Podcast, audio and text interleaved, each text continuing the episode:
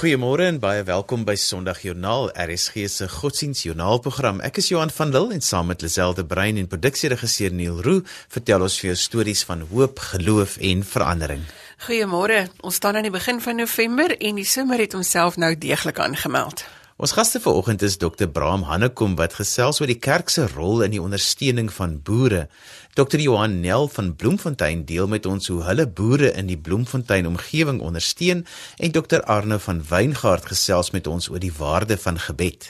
Ons gaan ook hoor van die oudste inwoner van Elim wat haar herinneringe met ons deel. Baie dankie vir almal se e-posse en SMS'e oor die program. Ons waardeer al die terugvoer en natuurlik veral die komplimente. Baie dankie daarvoor. Ons gesels volgende week verder met Isabel oor die vroue van die Anglo-Boereoorlog en hoe hulle hulle mans in die oorlog bygestaan het. Baie van julle het gevra na die boeke waaruit sy gelees het. Nou beide die boeke is uit druk uit en is baie skaars om te kry. Dit is argiefmateriaal. Maar ek gee in elk geval die titels. Dit was Onthou in die skadu van die galg wat deur Hendrina Rabie van der Merwe geskryf is en dit is in 1940 uitgegee en die ander een was Should We Forget wat deur Eliza Neetling, die jongste dogter van Dominee Andrew Murray van Graafrenet in 1902 geskryf is. Ons het ook verlede week 'n SMS gekry van Eliza Neetling se nageslagte, so baie dankie dat julle van julle laat hoor het. En daar's heelwat maniere waarop jy na ons kan luister of weer kan luister. RSG word op DStv se audiokanaal 813 uitgesaai en Sondag Joernaal is ook saam met heelwat ander programme as 'n potgooi beskikbaar. Jy kan ook gaan kyk by RSG se webwerf by rsg.co.za. Daar's allerlei interessante dinge oor waaroor ons gesels. Wanneer jy op die webwerf is, gaan soek by gehoor op lig vir Sondag Joernaal en kies dan die datum van die uitsending wat jy wil aflaai. Behalwe vir die potgooi is daar ook kontakdetail en fotos wat die webmeester Herman Stein vir ons daar laai. As jy op sosiale media's kan jy ook Sondagjoernaal se Facebookbladsy gaan besoek, gaan like dit daar en al ons inligting is ook daar gelys.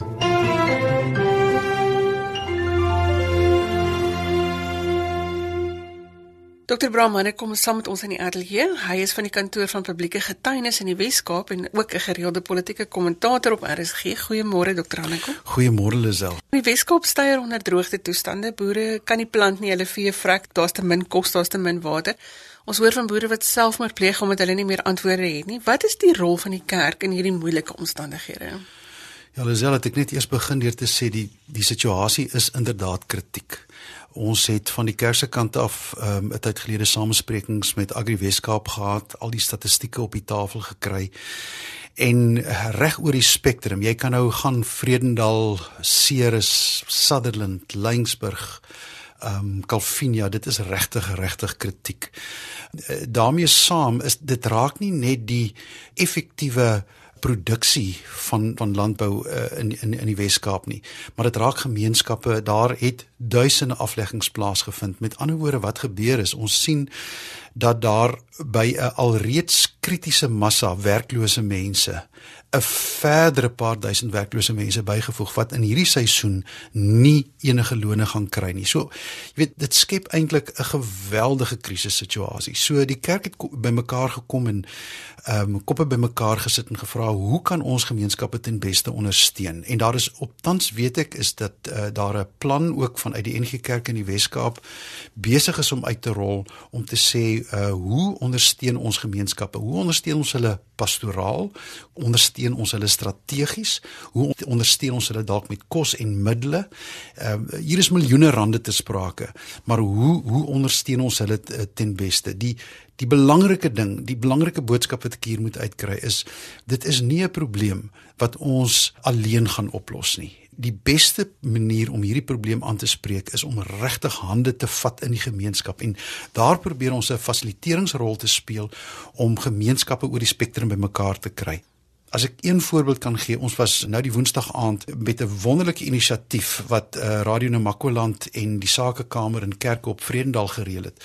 Was ons bymekaar in 'n stampvol NG Moederkerk op Vredendal met mense van uit die hele spektrum van gemeenskappe op Vredendal wat het gesê het ons kom bymekaar, ons verootmoedig mekaar, ons neem hande, ons wil graag strategies saam dink, maar ons wil ook saam bid saam dink en saam doen.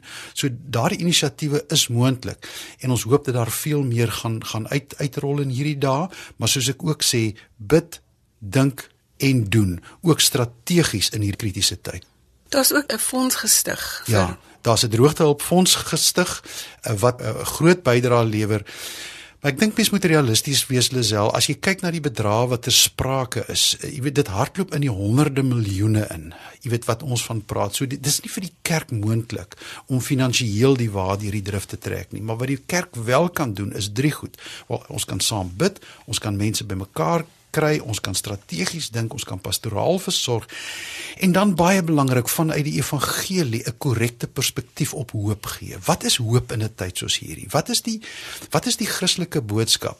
Jy weet die bandelinge was 70 jaar in Babylon. So ons kan nie waarborg dat oor 'n dag of twee dit gaan reën nie, maar wat ons wel kan waarborg is dat God se beloftes waar bly en dat hy as ons gehoorsaam is en die woord gehoorsaamheid is so mooi gehoorsaamheid met ander woorde saam met ander luister hoor luister na God en hande vat sal hy ons ook die pad wys om hoe deur hierdie moeilike tyd te kom want ek het geen twyfel nie ons sal daardeur kom en dit sal weer reën op God se tyd op God se manier. Intussen tyd vra dit gehoorsaamheid van sy kerk om die regte ding te doen Bram en dan het ons nou natuurlik al die plaasmoorde. Ja. Ons het hierdie week gesien mense wat protes aanteken. Ja, dit sê dit is verskriklik. En laat ek net eers van die geleentheid gebruik maak om regtig uh, my medelee te betoon met elke slagoffer van geweld. Uh, ek het vir jou werk onradie geken wat wat hier by Klapmuts vermoor is. Wat 'n wonderlike wonderlike mens en so kan ek elkeen van die gevalle opnoem. En ek meer mense sê genoeg is genoeg. Uh, maar dit ek weer sê, amper soos met die droogte is die vraag wat nou? Wat konkreet nou? En ek verstaan dat mense in optogte en protesoptogte opstaan, maar ek dink ook as ek persoonlik dit mag sê, daar moet nou strategies gedink word. En weer eens soos ek oor die droogte gesê het, moet daar hande gevat word. As ek net 'n stukkie perspektief ge kan gee. Jy weet laas jaar in Suid-Afrika 18000 moorde. Ek het die syfers van die TLU gekry en ek het dit hier voor my, maar ek dink dit is goed bekend. Uh sedert sedert 94 1921 uh boere op plase vermoor. Dis amper 2000, maar elke jaar is daar amper 20000 moorde in Suid-Afrika. In, in 'n gebied soos Nyanga hier by Kaapstad, laas jaar alleen 270 moorde plaasgevind. Nou praat ek nie eers oor die kindermoorde op die Kaapse vlakte nie. Dit gaan net aan en aan en aan. En ek ek lewe met 'n diepe oortuiging Lisel dat die gety sal werklik draai as ons oor kleurgrense heen vir mekaar begin opstaan. Ek het die mooiste SMS gekry die week van 'n pastoor uit Kailicha wat sê hy wil graag sy solidariteit met wit boere wys. Maar ek dink ook ons sal moet eh, regtig maniere vind om ons solidariteit oor kleurgrense met mekaar te wys in hierdie land. Want 'n mamma wat 'n seun verloor het, ken geen ras of kleur nie. Haar hart, haar trane bly dieselfde.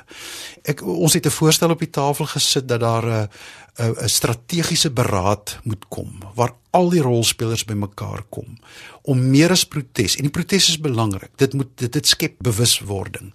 Maar meer as protes, strategiese konkrete aksie op die tafel te kry. Ons moet tot by die wortel van die ding kom. Of dit die polisie is en of dit die boere is en of dit die bende geweld is en of dit sommer net rooftogte en misdaad is. Ons moet die regte mense om die tafel kry. En dit lyk vir my ons het versigtig voelers uitgesteek na die polisie en die regering en daar is goeie aanduidings dat ons nou kan hande vat en en saamvat in werk in hierdie ding. Sommige net nog 'n laaste, weet ons praat oor swart dra. Daar is al 'n jaar of wat 'n veldtog Black Thursdays aan die gang vir geweld teen vroue en kinders. Maar dit lyk nie asof of of dit 'n verskil maak nie. So ek wil weer sê oor die droogte, bid, dink en doen. Ons moet nou by die konkrete strategiese oplossings vir die probleem kom en die kerk kan ook daarin 'n leidende rol speel. Dit is wat ons wil sê vir gelowiges wat vanoggend luister, dat jy moet let op die taal wat jy gebruik en miskien dan nou net dat jy self in aksie kom. Jy moet self in aksie kom, maar ek ek wil sê baie keer is dit so eenvoudig soos elke mens wat uitreik, elke mens wat vriendelik groet, elke mens wat 'n boodskap oor die kleurgrens stuur en hande vat, bou aan die sosiale kohesie in die land. Skryf mee aan 'n nuwe sosiale kontrak. En dit is wat ons nou nodig het. Elke mens wat dit doen, skep 'n bolwerk teen die energie. En in Lisel ek moet dit ongelukkig sê ons sit al met eilande van energie in ons land. Ek weet nie wie al regtig op die Kaapse vlakte of in Mannenburg en Elsiersrivier in die plekke was nie. Dis lewensgevaarlik net om daar in te gaan. Kinders wat nie meer in die oggend alleen skool toe kan kan stap nie. Nie nie weens geweld nie weens skools wat rondvlieg. Ons het regtig baie baie baie donker ure in ons geskiedenis gekom. Maar ek wil weer sê ek is nie hooploos nie. Ek is nie hooploos nie Die vraag is net hoe bid, dink en doen ons nou op die regte manier. Bram die woord menswaardigheid kom by my op. Ja. Dat ons mekaar met menswaardigheid sal hanteer. Ja. Absoluut met menswaardigheid, maar kan ek in aansluiting daar daarmee weet van my Engelse kollegas druk dit soms so mooi dat hulle praat oor the sanctity of life die heiligheid van alle lewe. En een lewe is nie meer werd as 'n ander lewe nie. En ek wil weer sê my hart gaan so uit vir die boere. Hierdie boodskap mag nie onderskat word nie. Maar die klein dogtertjie wat op die Kaapse vlakte verkrag en vermoor word, se lewe het nie minder waarde nie. En die getalle skreeu net in hemele. So menswaardigheid respek en dan die heiligheid van alle lewe. Ehm um, mag die Here ons noodroep hoor en mag ons hande vat en regtig nou konkreet by 'n aksieplan kom. Dit is waarvoor ek pleit. Bram baie dankie vir die saamgesels vanoggend. Dankie Lisel, dit was 'n voorreg en ons harte gaan uit na almal wat in vrees en in angs lewe in hierdie dae. En Lisel was in gesprek met Dr. Bram Hannekom. Goeiemôre as jy sopas ingeskakel het. Jy luister na Sondagjoernaal saam met Johan en Lisel en Neil is ons tegniese regisseur. RSG se webblad is die plek waar jy inligting kan kry. Gaan kyk by rsg.co.za. Onthou jy kan ook gaan aansluit by ons sosiale media gemeenskap op Facebook. Like ons bladsy en al ons programinligting is ook daar. Soek maar net vir Sondagjoernaal met 'n koppelteken. Jy kan ook vir ons 'n SMS stuur by 45770 teen R1.50 per SMS. Gemeenskappe reg oor die land word weekliks gerig deur 'n plaasmoord in 'n omgewing en die Vrystaat se synode met gemeentes in die hartjie van die boeregemeenskappe maak moeite om mense in hierdie situasies by te staan. Dr. Johan Nel vertel vir ons meer hiervan. Goeiemôre Dr. Nel. Hallo Lisel, baie dankie dat ek kon deelneem. Dokter Nel, jy's 'n hervormde predikant in diens van die NG Kerk se sinode in Bloemfontein en jou werk is om mense by te staan wanneer hulle erge trauma beleef. Waar begin 'n mens met so 'n tipe van berading? Dankie Lisel. Um, ek raak net ietsie sê rondom my my eie verbintenisse. Ek is deeltyds in 'n gemeente betrokke en dan um, is ek ook hier by die sinode betrokke en dan ook um, vorm ons 'n deel van die trauma span. En ek het ook privaat praktyk in Bloemfontein. So dis maar hoe ek uh, hier betrokke geraak het. Hierdie is 'n is 'n inisiatief van um, Donie Barnard Stein. Is verantwoordelik vir die, vir die bedieningsbegeleiding van die Vrystaatse predikante. En ehm um, en antwoord op jou vraag hoe raak ou betrokke Barnard dan sal onmiddellik optel wanneer iets in die sinode streek gebeur en en onmiddellik uitreik na die um, ge, gewoonlik na die dominee na die predikant en dis maar waar ons begin. As iemand so erg getraumatiseer is, wat is die eerste ding wat jy half vir so 'n mens sê? baie goeie vraag. Ek dink dit is belangrik Lisel om om te verstaan in die eerste plek dat jy weet jy jy kan nie met 'n getraumatiseerde wat pas getraumatiseer is, um, alreeds begin berading doen nie. Um, so so ons sal dan tipies op die dorp aankom as ons dan nou uitgenooi word en en net begin met gesprek. Want as dit so vars is, is, is, is nog nie terapie gereed nie almal word ook nie op dieselfde manier geraak nie. So ja, ons begin met die dominee ons gesels en ons vra uit en ons staan hom of haar by en van daar af hulle bepaal wie hulle dink die die mense sou wees met wie ons eers gesels en ons begin letterlik en ons vra die storie, wat het hier gebeur? Dis waar ons begin. Ons het nou ervaar hier in die Boland hoe 'n gemeenskap laer trek na die Konradi boer se dood. Bring so iets gemeenskappe nader aan mekaar. Dis al my ervaring is definitief ja. Ehm um, dit is dan af van die van die omvang van die tragedie. Gesondheid is dit is dit nou 'n plaasmoord en ander keer is dit nou jy weet ander gesigte. Ehm um, maar wanneer 'n gemeenskap geruk word, ehm um, almal kom tot stilstand. En dit het regtig baie goeie positiewe potensiaal dink ek om om die gemeenskap saam te bind. En nog is natuurlik verdelende goed wat wat sou kon gebeur as dit nie reg dink ek bestuur nie, maar ehm um, ja, ek dink dis nogal iets wat ons het in ons in ons gee in, in in ons gebruike en ons tradisie en ons um, menswees en ook in ons kerkwees is dat ons ons ons, ons staan mekaar by. Dit het definitief uh, baie daar's baie kan mooi goed daar uitkom. Trauma het jy wat gesig dit is nie net moord op plaasboere waarmee jy werk nie. Ja, ja. Nee, dit is so. Ehm um, ja, inderdaad, jy weet enige iets wat wat in 'n gemeenskap gebeur wat hierdie gemeenskap ruk. Ons praat nou spesifiek volgend oor oor plaasmoord wat nou een van die gruisame goed is wat ons baie keer sien. Maar, maar enige ramp, 'n uh, natuurramp wat 'n dorp sou tref of enige iets wat 'n groot impak op 'n gemeenskap sou hê. Daaroor kan mens nou baie lank praat. Uh, verskillende gesigte en verskillende reaksies op hierdie dinge, nê. Nee. En ek dink gewoon net 'n hartaanval veroorsaak soms meer trauma. Ja, nie verseker, weet jy die, die woord trauma sê dit sê, sê dit baie mooi dit dit word afgelei van van die woord wond. En, en ek dink die die die onverwagte daai element, jy weet ons het nie gesien, ons het dit nie gesien kom nie. Ons het nie gedink dit gaan gebeur nie. Ehm um, daar was nie 'n wa waarskuwing vooraf nie.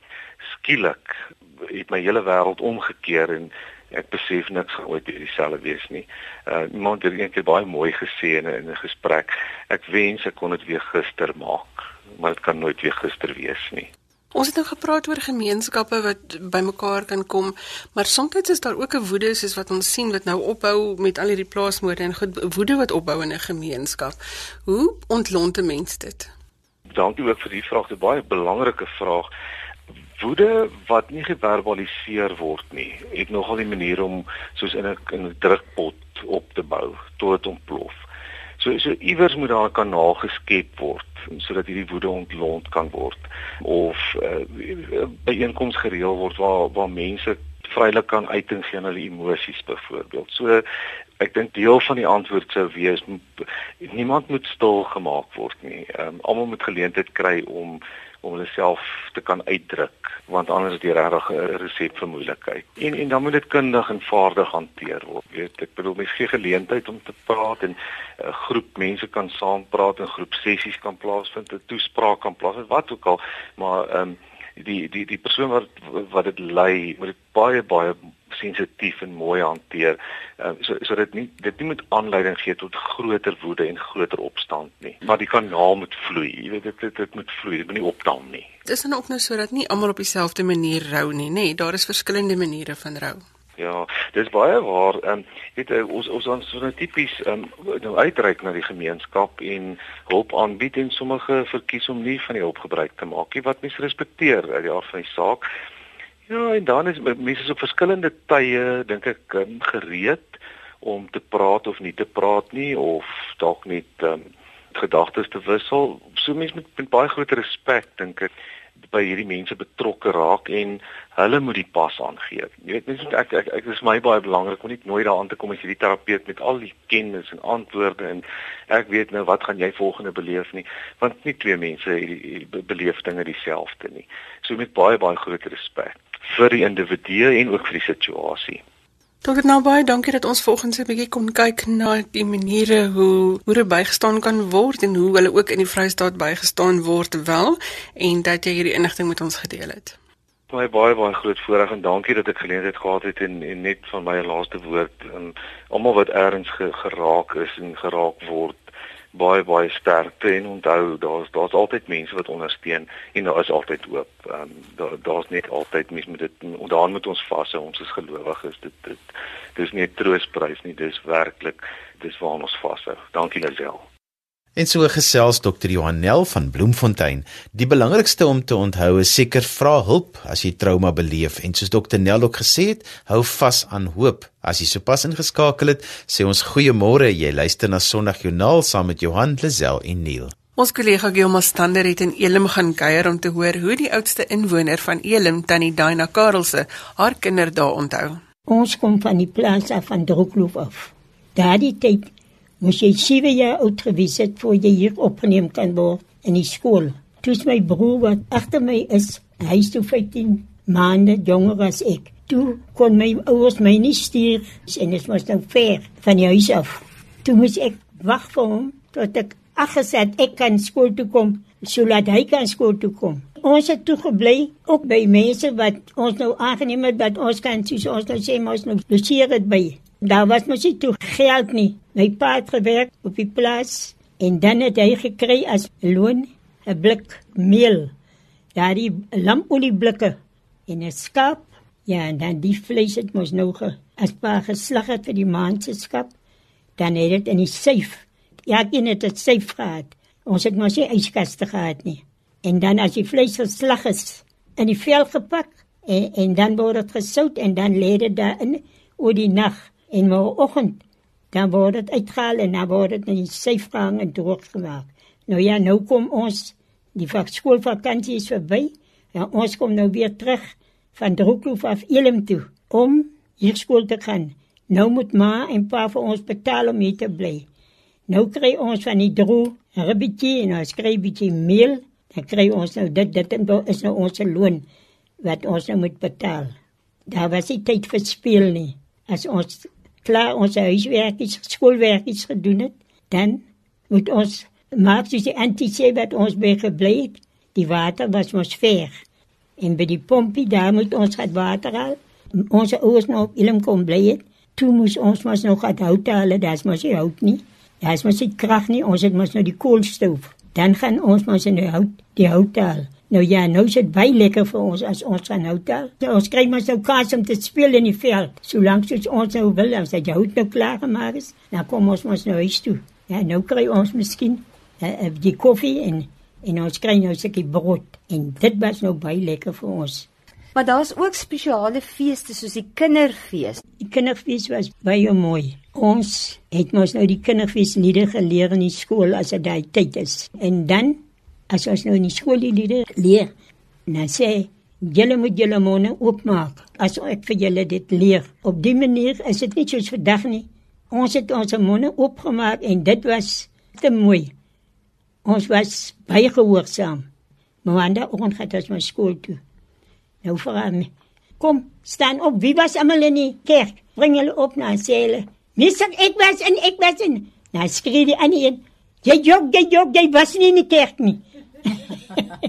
ons het nou so na skool gekry. Ja. Ja, kom uit die bank uit. Kom uit julle wat nou so gejok het. Nou ja, nou die een wat nou gejok het, die kry nou hou op die op ons het op die hand, ons nou pak gekry. Nou vandag is dit mos nou anders, heel anders. Vandag is dit die wet uitgemaak. Ons mag mos nou glad nie geslaan word nie. En uh, ons praat nou baie daaroor. Ons sê daarom dat dit vandag sou gaan. Daai tyd was ons was bang. Ons het respek gehad. Paasfees is mos 'n baie spesiale tyd. Dit word gewit en die blommetjies word opgesit. Elke graf word ek dink jy kan sien as daar nog mense is wat belangstel wat nog mense by u op element wat nie in die Kaap werk of so nie. Jy kan sien as hulle hier is, dan kan jy sien pasies onder hy opgaan, pasies, nee. Daar is al 'n vars blommetjie op die gratis, maar dit was nou die gebruik. Ons gesê die akker, pasies akker, hy word mooi gemaak en hy word skoon gemaak. Wat beteken die kerk en die Here dan nie? Ooh, dit het 'n groot rol in in, in die lewe gespeel. Ons het geglo en veral ek het geglo dat jy moet gehoorsaam wees. Kyk, ons het mos nog gekry die sonnaarskool lessies wat ons gekry het. Ons het geglo dat jy vir ons gesê het wat ons wat sonne is wat ons nie mag doen nie. En ek was een van die wat baie getrou was. Iemand anders vra vir my nou die dag ook 'n kerkwerker wat ek nou toeskryf dat ek nou die ouder nou met toe sê ek om gehoorsaam te wees jy moet gehoorsaam wees vir die Here en dankbaar wees. En ek sê elke dag vir hulle as hulle inkom en hulle vra hoe gaan dit, dan sê ek vir hulle tel jou seëninge. Ons ontvang elke dag as ons opstaan en ons kan ons oë oopmaak.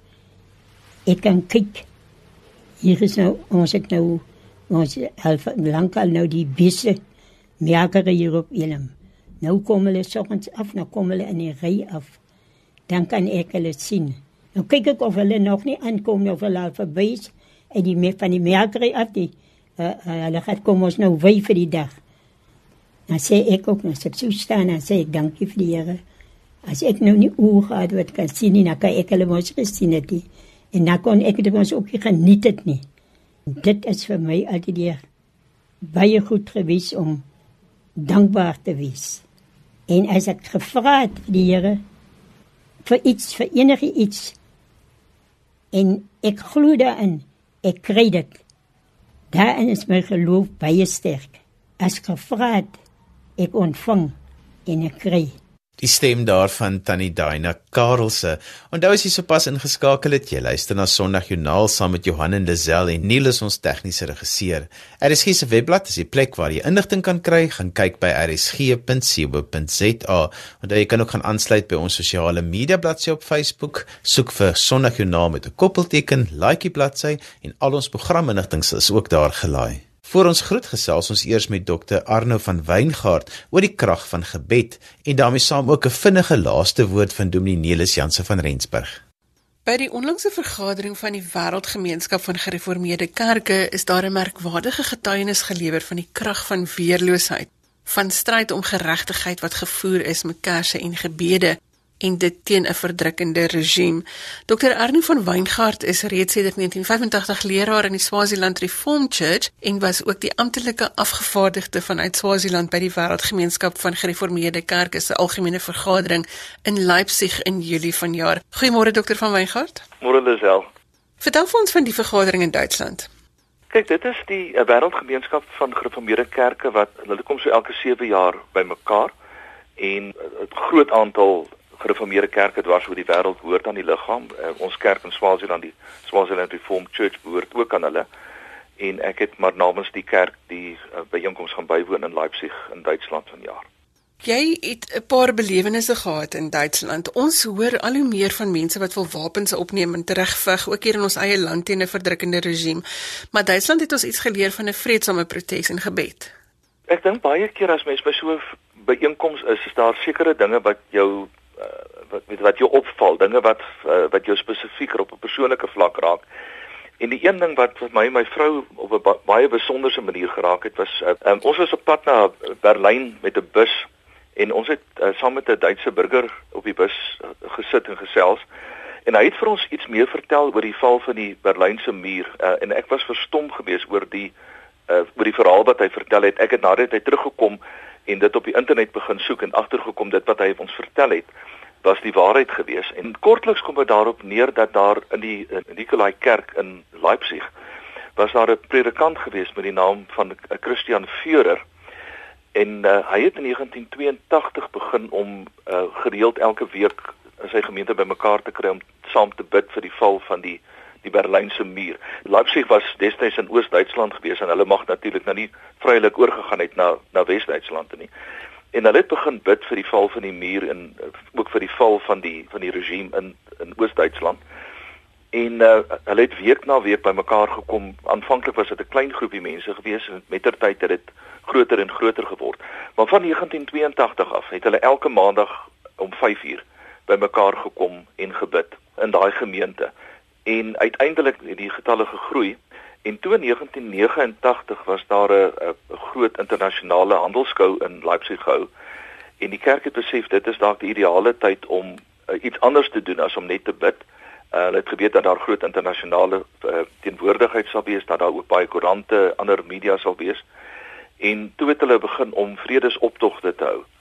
En uh, dit het begin hier in in Oktober van uh, 1989 waar daar uh, eh, 70000 mense was wat uh, een aand uitgegaan het op hierdie vredesoptog met kersse in die hand.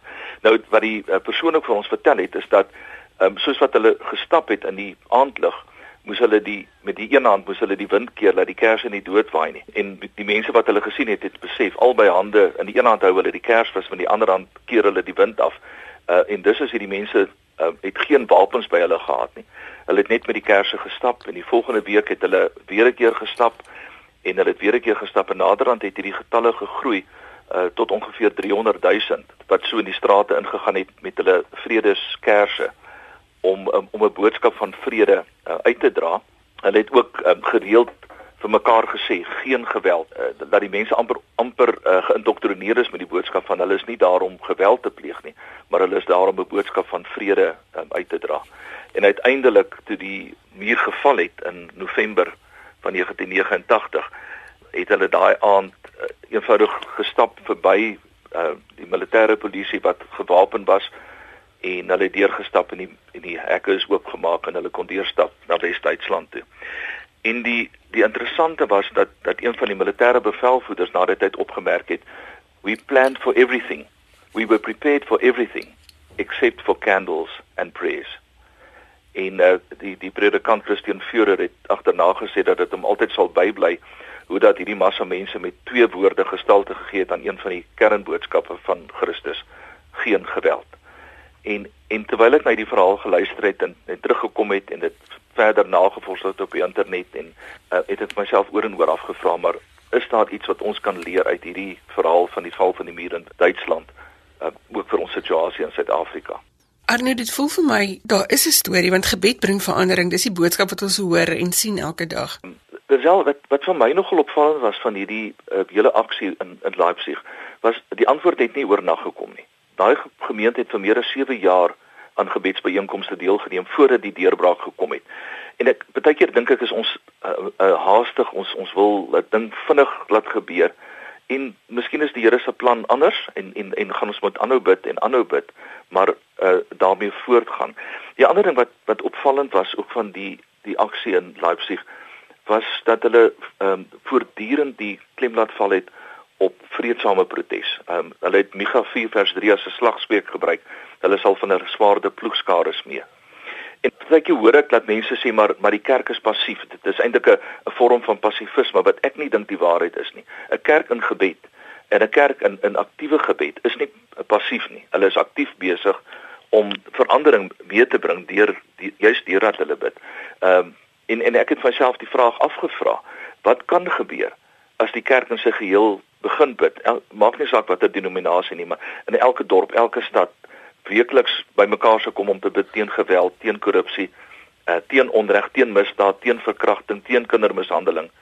Wat sou dit neem om by die punt te kom dat diegene wat die onreg pleeg ontwapen word, nie deur die vertoon van beter wapens nie, maar deur die vertoon van God se hart en met volgehoue gebed. En ek dink dit is wat wat ek daar in Leipzig ehm um, geleer het dat dat ehm um, ons het nie wapens nodig in die eerste plek om onsself te verdedig nie. Ons het ons het gebed nodig en ons het die krag van God nodig. Ehm um, en miskien kan daar dan iets gebeur. Die die militêre polisie was hulle hulle vrees was nie vir wapens nie, hulle vrees was juis vir die die die kerse en die gebede van die gelowiges. Baie dankie aan baie dankie vir die samestelling vanoggend. Baie dankie Lisel, mooi dag vir jou hoor. Die NG Kerk het 'n nasionale dag van verootmoediging aangekondig en dit is op Woensdag die 8de November. Dominee Nelis Janse van Rensburg gee vir ons gou al die detail. Môre Nelis? Môre Lisel. Ons uh, is uit die aard van die saak bewus van baie trauma op die oomblik in ons land. Die geweldvlakke in ons land is, is ontsettend hoog. Die misdaadstatistiek wat vrygestel is, uh, word daagliks bevestig in ons koerante. Uh, waar ons lees van uh, geweld in uh um woongebiede, geweld in op plase, geweld reg deur die deur die land. En ons ehm um, het as kerk besluit dat ons 'n dag van verootmoediging, 'n dag van gebed wil uitroep waarin ons uh, veral vir twee sake bid. Dat daar sal vrede kom in ons land en dat ons uh, weg sal vind om die geweld en uh, misdaad in ons land uh, hok te slaan. Dis die eerste saak. Die tweede saak gaan oor uh die hele kwessie oor klimaatsverandering in Suid-Afrika, ehm uh, die droogtes wat daar is wat ons eintlik ons hele land affekteer. Daar is plekke waar dit gereën het, maar ons verstaan dat daar is so 'n normaal is vir uh, klimaatspatrone en almal moet aanpas daarbey. Ehm um, in dele van ons land is dit krities droog en ons wil onsself ontmoedig voor die Here. Ehm um, dit gaan nie maar net daaroor dat ons wil bid en vra nie. Maar dit is ook onsself wil ondersoek en uh, na ons eie harte kyk en voor die Here bely dat ons uh, diep afhanklik is van hom. So ons roep die dag uit. Ons vra vir gemeentes dat hulle maar vir hulle self soos dit uh, in hulle eie situasie die beste pas miskien 'n byeenkoms sal reël of 'n diens sal reël in die oggend, middag of aand en uh hulle dit maar te Sondag sal oproep na hierdie geleentheid. En dit is nou Woensdag die 8de November. Woensdag die 8de November. Ek dink in ons hele land is daar 'n diep bewussyn van al die spanninge wat daar is. Ons het 'n uitdaging rondom leierskap op die oomblik en ons uh, dink dat dit uh, nou tyd is om baie baie sterk as kerk te sê waar ons staan. Kan ek sê ons praat ook hieroor met ons ekumeniese uh, vriende Ehm um, in ander kerke is daar ook uh, sulke behoeftes, uh, soortgelyke behoeftes en ons uh, is ook met hulle in gesprek om uh, saam met ons die geleentheid te benut vir voortmoediging. Dankie daarvoor. Dankie Lisel. e-pos vir ons met kommentaar of as jy 'n geloostorie met ons wil deel. My e-posadres is lazel@wwmedia.co.za en jy spel Lazel L E Z E L L E. By WW Media daar's net twee W's. Jy kan ook vir 'n boodskap stuur deur die webwerf by rsg.co.za en onthou asseblief om jou kontakdetail daarby te sit. Tot volgende week groet ek ook namens produksieregisseur Neil Roo, gaan maak 'n verskil vandag. Totsiens.